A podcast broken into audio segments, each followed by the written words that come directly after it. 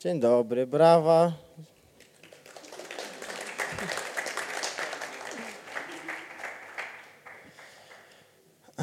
Dobra, no już zaspoilerowany został pierwszy slajd, czyli podstawy i zalety generowania proceduralnego. E, uznałem, że przedstawię Wam, jak ja to widzę, mniej więcej. E, no więc zaczynajmy. Jestem Rafał Romanowicz, jestem z zespołu Onion Milk. E, tak, e, jestem programistą i generalnym pajacem w Onion Milku. E, zajmuję się, znaczy głównie interesuję się gener- e, procedurowan- procedurowaniem generalnym, tak. Generowaniem proceduralnym.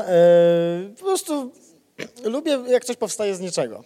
Taki myk, że nagle z prostych wzorów matematycznych potrafimy stworzyć coś ciekawego, coś, co przypomina lub nie przypomina grę. Pierwsze pytanie. Ilu mamy programistów na sali? Okej, połowa. Dobra, fajnie. Prawie połowa. E, to nie, nie będzie tutaj... Ktoś się zna na tym?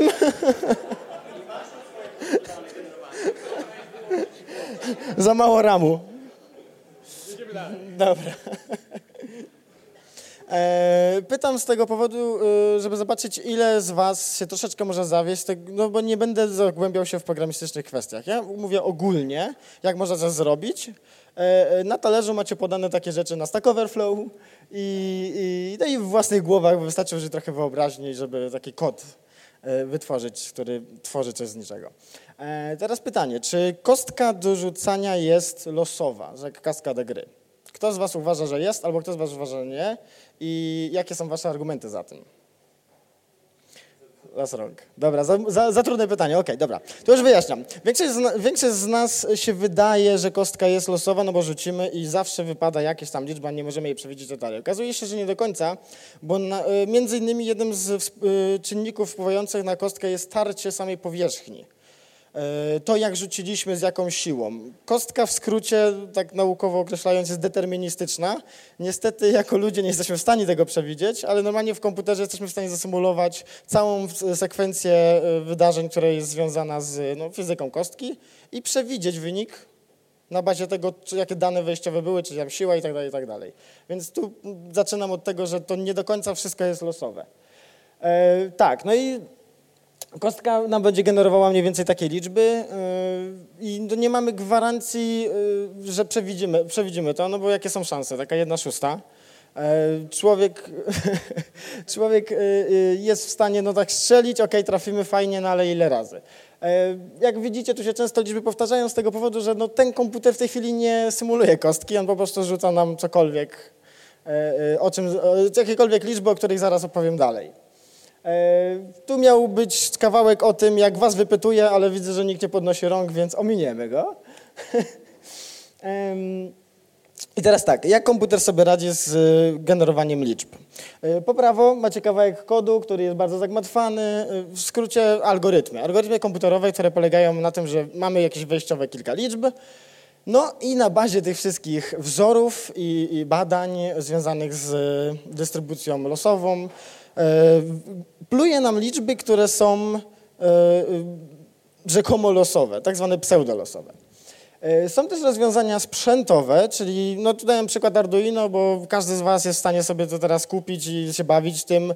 E, Jest to urządzonko, które jest praktycznie komputerem i w nim jest problem, bo jest tak słaby, że ten kod po prawo, obrazek, który widzicie, tego kodu po prawo, ma jest większy niż sama pamięć tego urządzenia nie jest w stanie nawet tego obrazka w sobie e, umieścić, więc jak tam umieścić takie rzeczy jak e, skomplikowany kod z liczbami pierwszymi i tak dalej, i tak dalej, z tymi skomplikowanymi algorytmami. Się tego nie robi, a e, podłącza się kabelek jako antena do wejścia analogowego i się zbiera szum z otoczenia. Szum z otoczenia, który powstaje przez pole magnetyczne, y, jakieś urządzenia domowe. No i też to nie jest losowe. Dlaczego? Włączycie mikrofalówkę i nagle zobaczycie, że coś się dzieje nie tak, że widać, że włączona jest mikrofalówka na wykresie liczb, które sobie wyświetlicie. To jest śmieszne, bo człowiek chce mieć na przykład, zrobić gierkę z losowymi elementami, a wystarczy, że ktoś w domu sobie odgrzeje kanapkę i już się zaczynają dziwne rzeczy dziać. No i dodatkowo y, chciałbym podkreślić, że to, to, że losowość nigdy nie jest losowa, y, na bazie przypadków y, związanych z czasem. Czemu Battlegrounds osiągnęły sukces? Nie dlatego, że są super fajną grą, bo strzelanek mamy mnóstwo i to od dawna. Mają specyficzny tryb, ale tych, ten tryb był już eksploitowany przez inne, pomniejsze gierki, które były, zostały zapomniane przez historię. Strzelili się w dobrym momencie. Dobry czas, czyli losowe zdarzenie, które oparło się o to, że w dobrym momencie wystartowali z tą grą, spowodowało, że mają teraz sukces. No i drugi, mniej pozytywny przypadek, czyli wypadki samochodowe. One wydają się losowe, bo nigdy nie wiemy, co, nas może, co nam się może zdarzyć. A jednak, gdybyśmy nie byli w tamtym momencie, w tamtym czasie, czyli mamy jakieś zmienne, które nam to definiują, to by się to nie stało. No i takie małe komiksy związane z tym, że no, y, liczby losowe nie są losowe, bo nigdy nie możemy być pewni. tak, no i tak jak wspomniałem o kostce, no gwarantowane, że będzie losowe, czwórka wylosowana, możemy wstawić to w kod i wysłać do, do, do produkcji razem z grą. E, I teraz czym jest generowanie proceduralne? Mm, pozwoliłem sobie odrobić pracę domową w formie wejść na Wikipedię i sprawdzić definicję, jaka tam jest określona. No i jest to metoda generowania dużych ilości danych za pomocą algorytmów. Okay. Ja to oczywiście skróciłem, tam jest o wiele dłuższy opis. Jak się w to człowiek zakopie, no to o wiele więcej wyciągnie niż z takiego jednego zdania. E, ale tyle zrozumiałem. Potem gry online. Okazuje się, że mają coś takiego jak słownik gracza i opisują to w kontekście właśnie gier. E, czyli tworzenie e, danych na bazie algorytmów, obwarowując regułami. To jest coś, co jest bardzo ważne w kwestii generowania proceduralnego. Ze względu na to, że te reguły tak naprawdę powodują, że to, co dostajemy z losowych danych, pseudolosowych danych, mają sens. Bo jak widzieliście z tymi kostkami, no to jednak te liczby nie miały sensu, tak? No rzucamy sobie, ok, dobra, 5, 6, 1, 1, 1, 1, 1 2, 3 i tak dalej. E, Gram.pl już miało bardzo dużą, e, bardzo duży opis tego. Nawet mieli nawiązanie do No Man's Sky, które odniosło wielki sukces na początku dzięki temu, że było generowanie proceduralne. Ale bardzo ładnie wybrnęli y, ze swojego marnego przykładu y, definicją, a dokładnie metaforą, że zamiast gotowego ciastka w grze dostaje gra przepis i sobie je tworzy. Oczywiście, no jak to z pieczeniem ciastek, zawsze wyjdzie trochę dziwne, krzywe albo coś tam, ale zawsze dobre. No nie zawsze, no ale zależy od tego, jak długo będziemy piec. No tak. No i teraz moje przemyślenie. Generowanie proceduralne to jest wykorzystanie jakiegoś zbioru danych, nie musi być duży, nie musi być mały, jakiś zbiór danych, do wygenerowania drugiego zbioru danych i żeby wykorzystać je w grach, nawet w programach, no to dobrze by było wymyślić zasady, na jakich mamy mm, je wykorzystywać. No, żeby były spójne i sensowne, no bo jak widzieliście te poprzednie cyfry, no to były kompletnie bez sensu. I teraz tak, jak komputer sobie z tym radzi? Teraz zauważycie, że liczby się powtarzają. W sensie cały czas wyskakuje to samo. A ja komputerowi w tej chwili kazałem cały czas losować. O co chodzi? Na, na samym dole mamy tak zwany, mm, dobre, dobre słowo użył, ziarno, tak, ziarno. E, ziarno jest liczbą, która ma nam służyć do wygenerowania tych liczb. Komputery radzą sobie w ten prosty sposób, jak wspomniałem o tych algorytmach, mamy dane wejściowe i sobie wypluwa za pomocą algorytmu e, komputer dane wyjściowe. W przypadku tych prostych algorytmów mamy ziarno.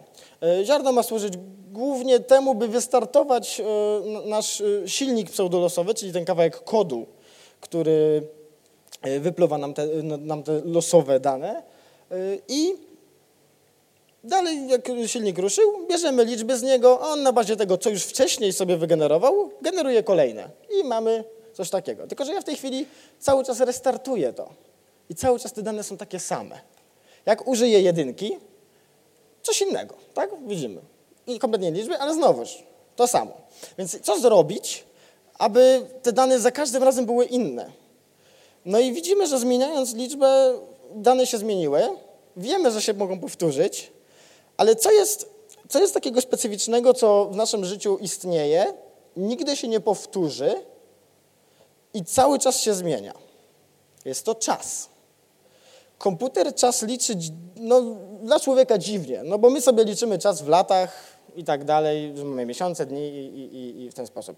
A komputery są uproszczone do tego, że ze względu na ograniczenia technologiczne i pewne standardy, większość obecnych komputerów liczy czas od 1 stycznia 70 roku. E, wynika to z pewnych historycznych zawiłości. Nie odrobiłem pracy domowej w związku z tym, ale bardzo ciekawy temat, więc polecam się z nim zapoznać. Mnie interesuje tylko to, że to jest czas odliczany w czym? W sekundach. No i z sekundy na sekundę jesteśmy w stanie się cofnąć w czasie i tę samą sekundę przeżyć. Więc ona się zmienia i nigdy nie wróci do poprzedniego momentu. Jest to liczba, więc możemy ją wykorzystać. No i nagle za każdym razem mamy inne dane. Inne dane, które możemy wykorzystać do naszych dziwnych eksperymentów w grach lub w programach. I teraz odnośnie interpretacji danych. Kto mi udowodni za dzieciaka, że to nie jest miecz? Za dzieciaka biegałem z patykiem i udawałem, że to jest miecz. Dla mnie to były dane, czyli patyk, a wyjście było takie, że walczyłem na przykład z drzewem, a to był smok. Chociaż, dobra, to mała delirka się załączyła, ale wiecie o co mi chodzi. W sensie, że to w jaki sposób zinterpretowałem, czym jest ten patyk, spowodowało, że mam rozrywkę. Mniej więcej tak samo to działa w grach. No i teraz, co mogę z tymi danymi zrobić? Pozwoliłem sobie skorzystać z stołu, który został wykonany na potrzeby naszej produkcji. E, e, mam nadzieję, że się nasza graficzka tutaj, tutaj nie ma, nie obrazi. Nie obrazi się. No i co? Wziąłem sobie te dane i ustaliłem pozycję stołów. Tak, przywracały się. Do tego dojdziemy. Dlaczego? No i ja sobie odświeżę. Oczywiście cały czas czas leci, więc mamy inny układ stołów. I ile razy bym tego nie robił, nic się nie powtórzy, tylko bardziej poprzewraca, ze względu na to, że stoły no jednak są twarde i się odbijają, nie? Rotacja.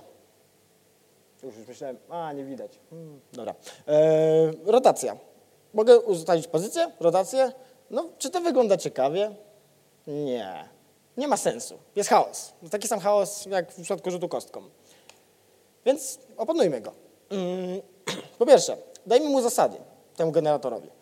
Nie może być stół na krawędzi, no bo się z niej zwali. Więc tak. Drugie. Stoły nie powinny być kompletnie losowo obrócone. No bo nawet tutaj, spójrzcie, ktoś sensem obrócił te stoły.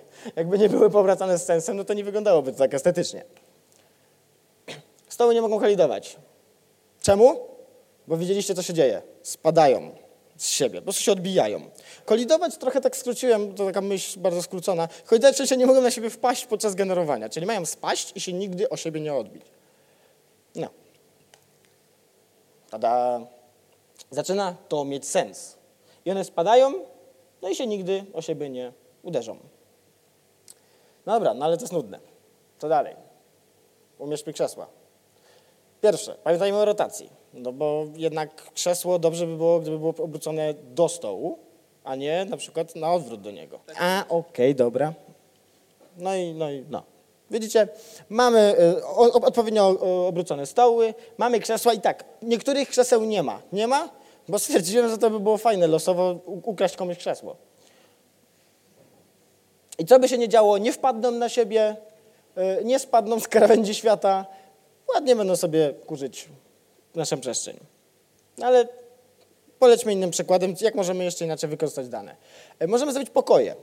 E, od razu przestrzegam przed komentowaniem, że wygląda to jak Minecraft, bo zastrzelę. Niestety klocki są bardzo prostym tworem, więc najłatwiej się na nim prezentuje.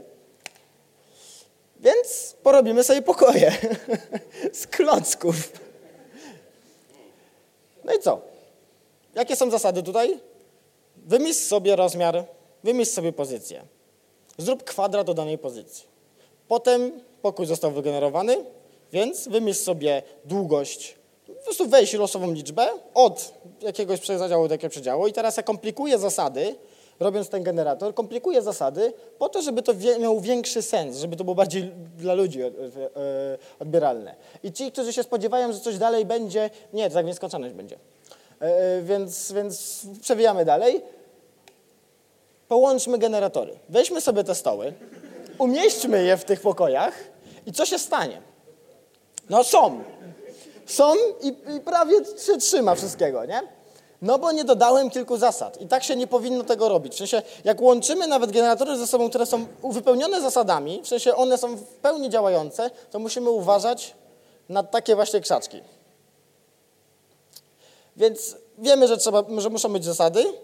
Na bazie, tego, na bazie liczby, które otrzymujemy, musimy zdefiniować zasady, wykorzystać te liczby i z umysłu, i z rozumem je wykorzystać.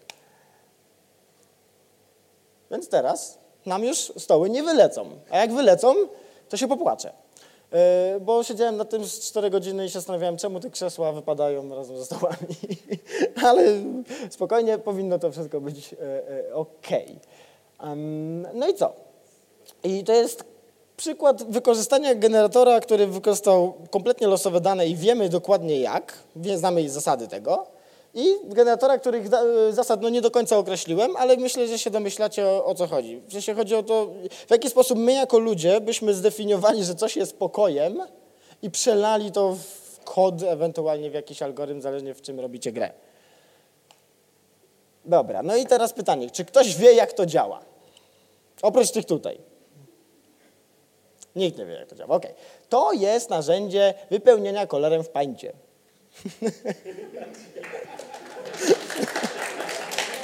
chwila, chwila, chwila.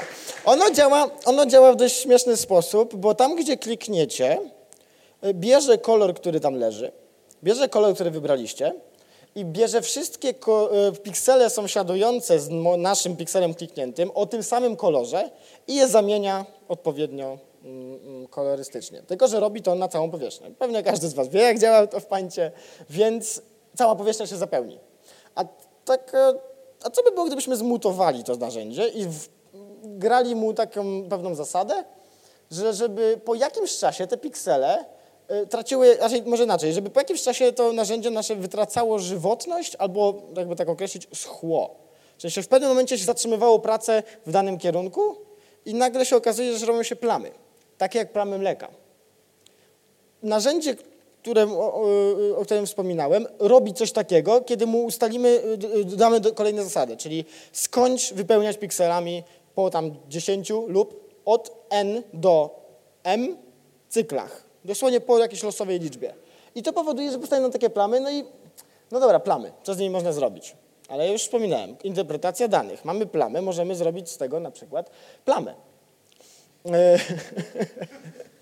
Nie, żartuję. Na przykład możemy zrobić z niego wyspę, chmurę, możemy z niego zrobić teksturę do ściany, możemy zrobić z niego nawet obraz, jeżeli się uweźmiemy, tylko oczywiście trzeba będzie dodatkowe rzeczy umieszczać, bo jednak armia takich obrazów w grze w pewnym momencie zrobi się nudna.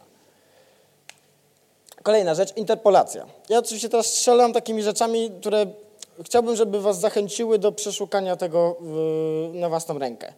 E, z tego powodu, że lepiej się tego samemu nauczyć. Zresztą zaraz, mm, zaraz dojdziemy do momentu, kiedy Wam pokażę, jaki prawdopodobnie będzie e, cykl, e, ten kto się zainteresuje, większości z Was poznawania generowania proceduralnego na bazie pewnego algorytmu. Ale wracając, interpolacja. Jest to proces, który nam też pomaga w generowaniu, z tego powodu, że możemy sobie wygładzić te nasze losowe dane. No bo te dane losowe, załóżmy, że chcemy liczbę od 1 do 100 no to nagle nam zacznie mm, generować liczby, ok. No i mamy sobie taką masakrę z liczbami. A my chcemy, żeby te liczby miały jakiś większy sens. Na przykład chcemy pobrać liczbę, na przykład dostajemy dwie liczby, 10, 30. I chcemy pobrać z tego jakąś gładką, yy, chcemy jakieś gładkie przejście między tymi liczbami. No, równie dobrze moglibyśmy użyć uśrednienia. 10, 30, więc wychodzi nam 20. I, po, i chcemy y, liczbę ze środka 20, więc mamy 10, 20, 30, mamy gładkie przejście między tymi liczbami, możemy, nie wiem, górę zrobić, ale ta góra będzie wyglądała, no nie mam tutaj przykładu, po prostu będzie taka kreska, nie?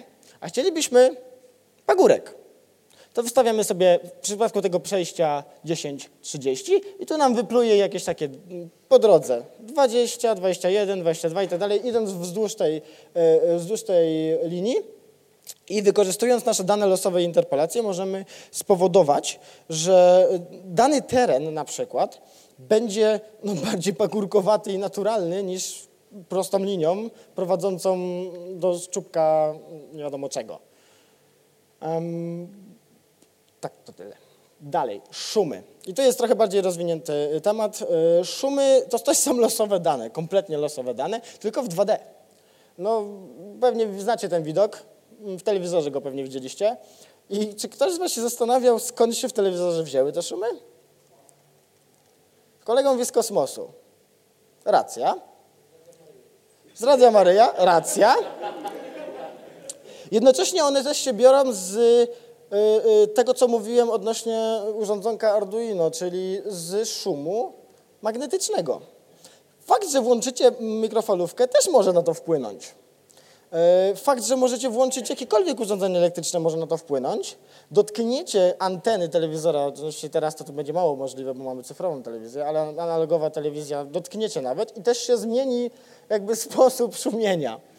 E, bo się okazuje, że to wszystko są e, właśnie takie zakłócenia elektromagnetyczne i z kosmosu, i z Radia Maryja, e, które nam po prostu próbują cokolwiek wyświetlić na ekranie, a że telewizor nie obwarował tego zasadami, bo w tej chwili mamy niewybrany kanał, no to wypluwa nam to na ekran. W pewnym momencie zmieniamy kanał, no i telewizor ma zaprogramowane. Ta część, co... Tego nie ma zaprogramowanego. ma zaprogramowane, że ta fala taka, taka częstotliwość, taka amplituda i nagle widzimy, no nie Radio Maryja, ale na przykład mody na sukces, nie? I jednym z wariantów e, szumów e, do generowania proceduralnego jest simplex. Dużo o nim nie opowiem, bo osobiście olałem go w procesie swojej nauki. Od razu przeskoczyłem do kolejnego typu. Simplex ma to do siebie, że zaczyna wyglądać, zaczyna mieć sens, że nie wiem, czy wy widzicie w tym sens. E, e, ja tu mogę nawet widzieć muzykę, chociaż zależy, jakie grzyby e, wezmę rano. Tak czy siak, to zaczyna mieć sens, czyli jakąś, jak, jakąś strukturę, którą mogę wykorzystać. W tym przypadku no prędzej bym to wykorzystał do jakiejś właśnie plamy krwi, tylko musiałem to na czerwono pokolorować i tak dalej. No żeby na przykład jak mamy jakąś strzelankę czy coś, żeby te plamy nie wyglądały tak samo. E, no nie wiem, do mroczków w oczach jako postacie oberwie. No teraz mam same mm, ten, brutalne rozwiązania wykorzystania szumu, no ale niestety Simplex jest tak prosty, że bardziej prostych e, e, odczuć do tego nie mam. No i kolejnym jest Perlin i do niego od razu przeskoczyłem. Perlin no i ma to do siebie, że wygląda jak chmurka. E, wygląda jak chmurka, a o dziwo da się z niego bardzo ładnie skorzystać, jeżeli się zacznie dodawać do niego zasady. E, e, zanim mm, będę kontynuował mój wywód, no to ciekawostka, został on wymyślony troszeczkę przez przypadek, troszeczkę z potrzeby, no bo potrzebowali na, na potrzeby filmu Tron, nie tego nowego, tego starego, starego, stworzyć oteksturowanie do pewnych scen CGI. No i sobie był taki Ken Perlin, który stwierdził, że no coś trzeba wymyślić. Siedział, siedział, siedział, no i wymyślił to. A się okazuje, że Perlin Noise teraz jest używany w większości produkcji, jakie znacie z proceduralnym generowaniem. To też y, zależy, może inaczej. Ci, którzy grali z Minecrafta, stuprocentowo spotkali się z Perlin Noise'em. W jaki sposób? Teren. Wysokość terenu y, i tak zwane biomy, czyli rejony, które y, mają reprezentować dany klimat. E, jak to zrobić? Po prostu nie interpretujemy tego, tych danych jako takie, o, takie chmurki, tylko na przykład bierzemy, Perlin nam zwraca z reguły liczby od 0 do 1, losowe liczby od 0 do 1, więc bierzemy te wszystkie, które są mniejsze niż, pie, niż połowa i oznaczamy je na przykład jako pustynia. I te większe niż połowa jako, e, nie wiem, no trawiasta ziemia. I się robią plamki, których tutaj nie widać, zaraz zobaczycie. E, Sierłem plamki, które potrafią już wyglądać jak jakieś takie no, kawałki wysp, terenów. No i dodatkowo bierzemy kolejnego sobie Perlin Noise'a, mnożymy go jakoś, modyfikujemy, obwarowujemy go zasadami, które powodują, że wysokość terenu się zmienia, pojawiają się rzeki, e, e, no, oceany, jeziora i tak dalej. I o tym mówiłem, że to jest najlepszy przykład. No, niestety ja tu zasłaniam trochę, ale to jest najlepszy przykład. Był sobie ludzik, stwierdził, ok, pół i mniej pustka, pół i więcej, znaczy nie, ponad pół zielone, no i mamy trawę. No i chciał coś zrobić, a wyszło mu to. Jak dojść do tego? No jego proces pewnie wyglądał tak i tak będzie też wyglądał proces osób, które chcą z tym zacząć, że na początku będziemy robić dziwne kwadraty, to będzie bardzo brzydko wyglądało i to jest kompletnie bez zasad. Czyli to jest, to, znaczy to jest ta jedna zasada, że mm, z tą społówką. Później zauważymy, że jak tą połówkę zmienimy na nie wiem, 0,25, to się zaczną robić takie małe wysypki. Czyli wszystkie y, liczby, które są mniejsze od y, 0,25 są terenem. Reszta jest wodą, więc mamy więcej wody niż terenów i jednocześnie pojawiają się plamy za użyciem Perlin Noise oczywiście, bo kompletnie losowych danych nie polecam tam stawiać, ale za użyciem Perlin Noise, który też w pewnym sensie jest zestawem zasad, zaczną się pojawiać tereny. Dalej zdamy sobie sprawę, że no, trzeba dodać więcej zieleni, więcej niebieskiego, no bo to musi wyglądać. E, no i przy odpowiednim modyfikowaniu i dodawaniu kolejnych zasad e, liczbowych wychodzą nam, no już, no to myślę, że wygląda wszystkim jak jakieś wyspy, nie? Nie jak plamy Poloka czy coś. No i teraz zdaliśmy sobie sprawę, że możemy manipulować liczbami, a chcemy dodać plażę. Więc bierzemy sobie E, wszystkie, e, wszystkie liczby mniejsze niż 0,25, czyli zielone. I dodajemy kolejną zasadę. Mniejsze niż 0,20 to jest zieleń, większe niż 0,20 i mniejsze niż 0,25 to jest piasek. I się okazuje, że wokół wszystkich krawędzi naszej zielonej, yy, yy, zielonej przestrzeni pojawia się yy, Kolejna granica się pojawia, piasek. Jeżeli go pokolujemy na żółto, jeżeli nie pokolujemy go na żółto, pokolujemy go na ciemno-zielono, co tutaj nie widać, no to wyjdzie nam, no nie wiem, las. To kwestia tego, jak interpretujemy dane. I tak to robią gry. Na, na, na, na, prosty rozum biorą ten cały, tą całą sklejkę danych, wyciągają e, kawałki z losowo wygenerowanych y, przestrzeni, na przykład Pelinoizem czy Simplexem. Można też użyć y, tego do wygenerowania y, lasów, czy po prostu rozstawienia drzew w lesie. Wystarczy wybrać sobie dany obszar z za jaki nam wypluje i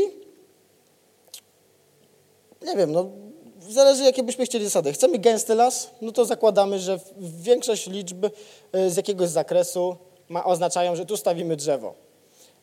Im mniejszy zakres, tym mniej drzew na danym terenie. Kolejnym etapem będzie dokładanie kolejnych e, elementów, czyli rzek, gór, gór kamiennych, śniegu e, i małych e, stawów czy lub jezior w danym rejonie. I tutaj jeszcze został użyty tak zwany Wornoj, o którym dużo nie opowiem, to też taka praca domowa dla Was, mm, który spowodował, że to wygląda bardziej kanciato, a nie jak plamy, które widzieliście wcześniej. Ktoś z Was kojarzy to? I tu gość wyszedł, y, wyszedł sam z siebie, bo jedyna, już 12 lat, w sumie nawet nie wiem, tak około 12 lat, e, używa tego, co powiedziałem, zasad, generatorów, do generowania nie tylko terenu. Do, do, do, do terenu tam Perlin Noise z jakimiś modyfikacjami. Ale on tu generuje całe światy, historie, y, życiorysy no, dwarfów, którzy żenią się, rodzą dzieci, zabijają innych. Całą historię, dosłownie jak gry o tron, tylko w wersji literkowej. I jemu to zajęło niestety te 12 lat, ale ma dużą e, bazę fanów, którzy e, wspierają projekt i po prostu wystarczy odpowiednio dać, dać sobie odpowiednią ilość czasu, żeby się nauczyć i jednocześnie stworzyć coś no, ładnego z tych kompletnie losowych e, e, liczb, które nam wypluwa, e, no nawet głupia kostka do gry. Są też programy, które wykorzystują generowanie proceduralne i one głównie służą do animacji czy tam jakiejś symulacji. No i jest moment, w którym możemy dojść do takiego czegoś, że będziemy generować fotorealistyczne tereny. Używa się też ich w filmach, w filmach, w narzędziach do robienia gier, E, dobrym przykładem jest Blender, w którym mamy zestaw narzędzi, które po prostu klikamy i nam generuje teksturę, właśnie y, używając Perlin Noise'a albo Wornoja, które no, po prostu wyglądają jak szumy, ale przy odpowiedniej obróbce nagle mamy coś pięknego, na przykład taki obraz. Wo, tutaj chyba tylko woda nie została wykorzystana, nie zostało wykorzystane proceduralne generowanie, bo no, wody nie ma sensu losować, ona i tak się rozleje i będzie takie...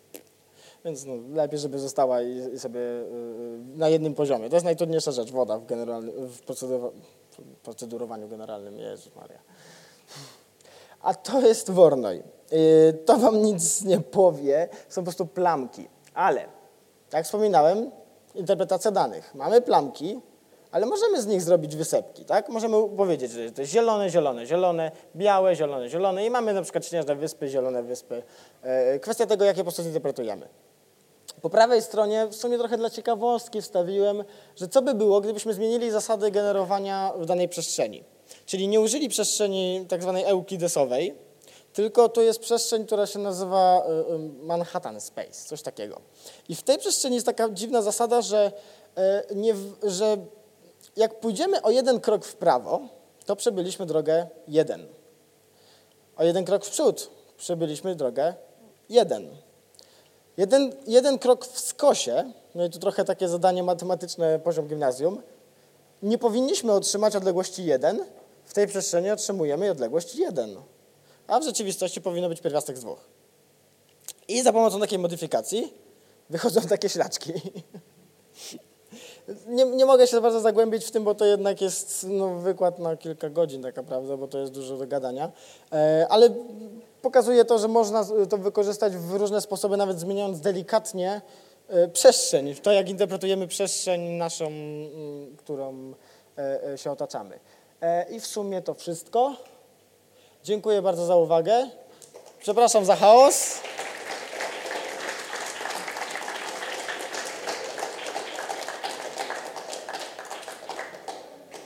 I będę tutaj dość długo, więc jakby ktoś chciał pogadać, to zapraszam. Życzę miłego seansu kolejnych prelegentów.